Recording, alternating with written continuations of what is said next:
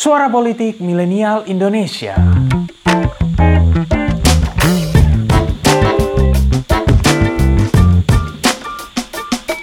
tiga periode. Tiga periode.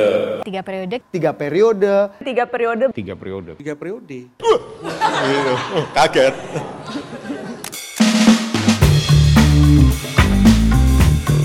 Berapa banyak dari kalian yang jenuh mendengar narasi presiden tiga periode? Isu yang satu ini memang makin sering didengungkan oleh para politisi kita beberapa waktu terakhir. Bukan tanpa alasan, kalau digoreng sedemikian rupa, wanginya semerbak membahana. Sampai-sampai bikin mahasiswa berdemo loh. Presiden Jokowi memang telah menolak narasi tersebut. Ini karena konstitusi kita hanya mengizinkan masa jabatan presiden selama dua periode atau total 10 tahun. Hanya saja jabatan tiga periode bukan berarti tak bisa terjadi sama sekali. Ini karena Undang-Undang Dasar 1945 bisa diamandemen lagi. Batasan masa kekuasaan bisa diubah dan diketok palu. Presiden Jokowi bisa dipilih kembali. Tapi untuk sampai ke titik amandemen Undang-Undang Dasar 1945 itu juga bukan perkara mudah.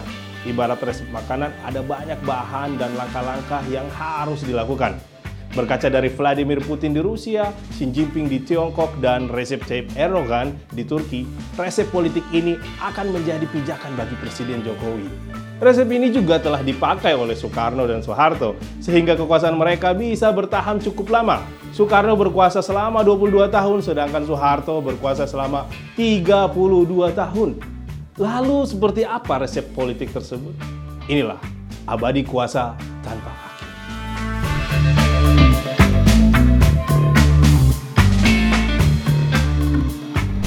Untuk menuju jabatan tiga periode atau bahkan sampai jadi presiden seumur hidup, langkah-langkah yang harus diambil terbagi dalam dua kategori, yakni di lingkup domestik dan di lingkup internasional. Mari kita mulai dari lingkup domestik. Setidaknya ada empat langkah yang harus dilakukan. Pertama, Presiden Jokowi perlu menciutkan jumlah partai politik. Konteks mengecilnya jumlah partai ini bisa terjadi secara harfiah, Misalnya, seperti yang dilakukan oleh Soeharto ketika fusi partai politik terjadi di tahun 1973. Partai-partai digabung menjadi tiga corong utama, yang nasionalis lewat PDI, yang berhaluan Islam lewat P3, dan yang terakhir Golkar sebagai partai pemerintah. Cara lain adalah partai tetap dibiarkan banyak, namun pengaruhnya dikerdilkan lewat dominasi satu atau beberapa partai utama dengan demikian, perubahan kebijakan lebih mudah dilakukan karena proses politik terjadi lebih cepat. Kemudian langkah kedua adalah menguasai dan mengontrol pers dan media. Kita tahu bahwa pers dan media bisa menjadi alat pembentukan opini publik yang efektif. Oleh karena itu, kontrol yang kuat pada pers dan media menjadi keharusan agar sebaran informasi bisa dikendalikan ini juga berkaitan dengan kontrol atas media sosial yang kini juga menjadi sarana masyarakat mendapatkan informasi. Ross Tepsel dalam bukunya Kuasa Media di Indonesia menyebut resep kontrol media dan pers ini terjadi di era Soeharto. Ada Kementerian Penerangan yang menjadi agen utamanya. Bahkan anak-anak Soeharto seperti Siti Hardianti Rukmana dan Bambang Trihatmojo juga menjadi bagian dari bisnis media.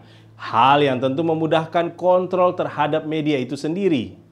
Sedangkan Francis Fukuyama dalam bukunya Identity menyoroti strategi kontrol media sosial oleh Xi Jinping dan Putin. Jika Xi Jinping cenderung Orwellian lewat kontrol ketat atas akses informasi, Putin cenderung Huxleyan lewat strategi membanjiri media sosial dengan informasi. Nah, Langkah ketiga adalah kontrol terhadap militer dan semua hal yang berhubungan dengan kuasa atas senjata dan penegakan hukum. Artinya, baik TNI, Polri, perangkat intelijen, lalu kejaksaan, KPK, dan perangkat penegak hukum lainnya harus bisa dikontrol. Konteksnya penting karena seperti kata pendiri Tiongkok, Mao Zedong, political power grows out of the barrel of a gun.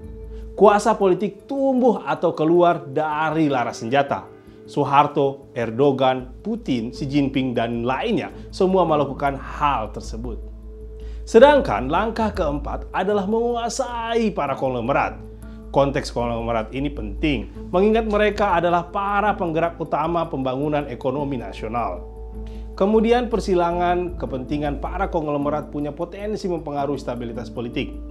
I mean, tengoklah soal ribut harga minyak goreng saat ini.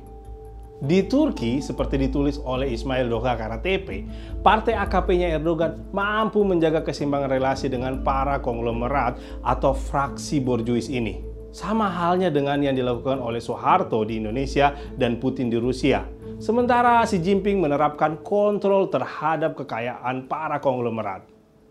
Lanjut, untuk kategori internasional, ada dua langkah yang harus dilakukan oleh Presiden Jokowi. Pertama, membangun hubungan yang dekat dengan pusat kekuatan global. Para ilmuwan politik setidaknya berargumentasi bahwa ada tiga pusat kekuatan global saat ini, yakni Amerika Serikat, Tiongkok, dan Rusia. Dengan demikian, memainkan perimbangan politik terhadap tiga kuasa tersebut akan sangat menentukan berhasil atau tidaknya agenda politik domestik Jokowi. Ini menjadi kelebihan tersendiri bagi Jokowi, karena seperti ditulis Kisor Mabubani dalam The Genius of Jokowi, sang presiden dianggap punya keahlian memainkan politik cantik perimbangan kekuasaan. Jokowi memang perlu memiliki hubungan yang baik atau berimbang secara cerdik dengan Washington, Beijing, dan Moskow. Langkah kedua untuk kategori internasional ini adalah menjaga hubungan dengan raksasa-raksasa bisnis internasional yang melingkupi tiga bidang, teknologi, persenjataan, dan kesehatan. Terkait hal ini, George Dimitriou dalam tulisannya Clausewitz and the Politics of War menyebut bahwa aktor non-negara seperti perusahaan-perusahaan raksasa multinasional akan ikut mempengaruhi banyak negara di dunia. Ini juga berkaitan dengan perusahaan senjata yang kerap menjadi pengambil keuntungan di banyak konflik. Sedangkan industri kesehatan atau Big Pharma Well, narasi pandemi global atau kesehatan secara keseluruhan telah menjadi narasi yang penting dan mempengaruhi politik internasional.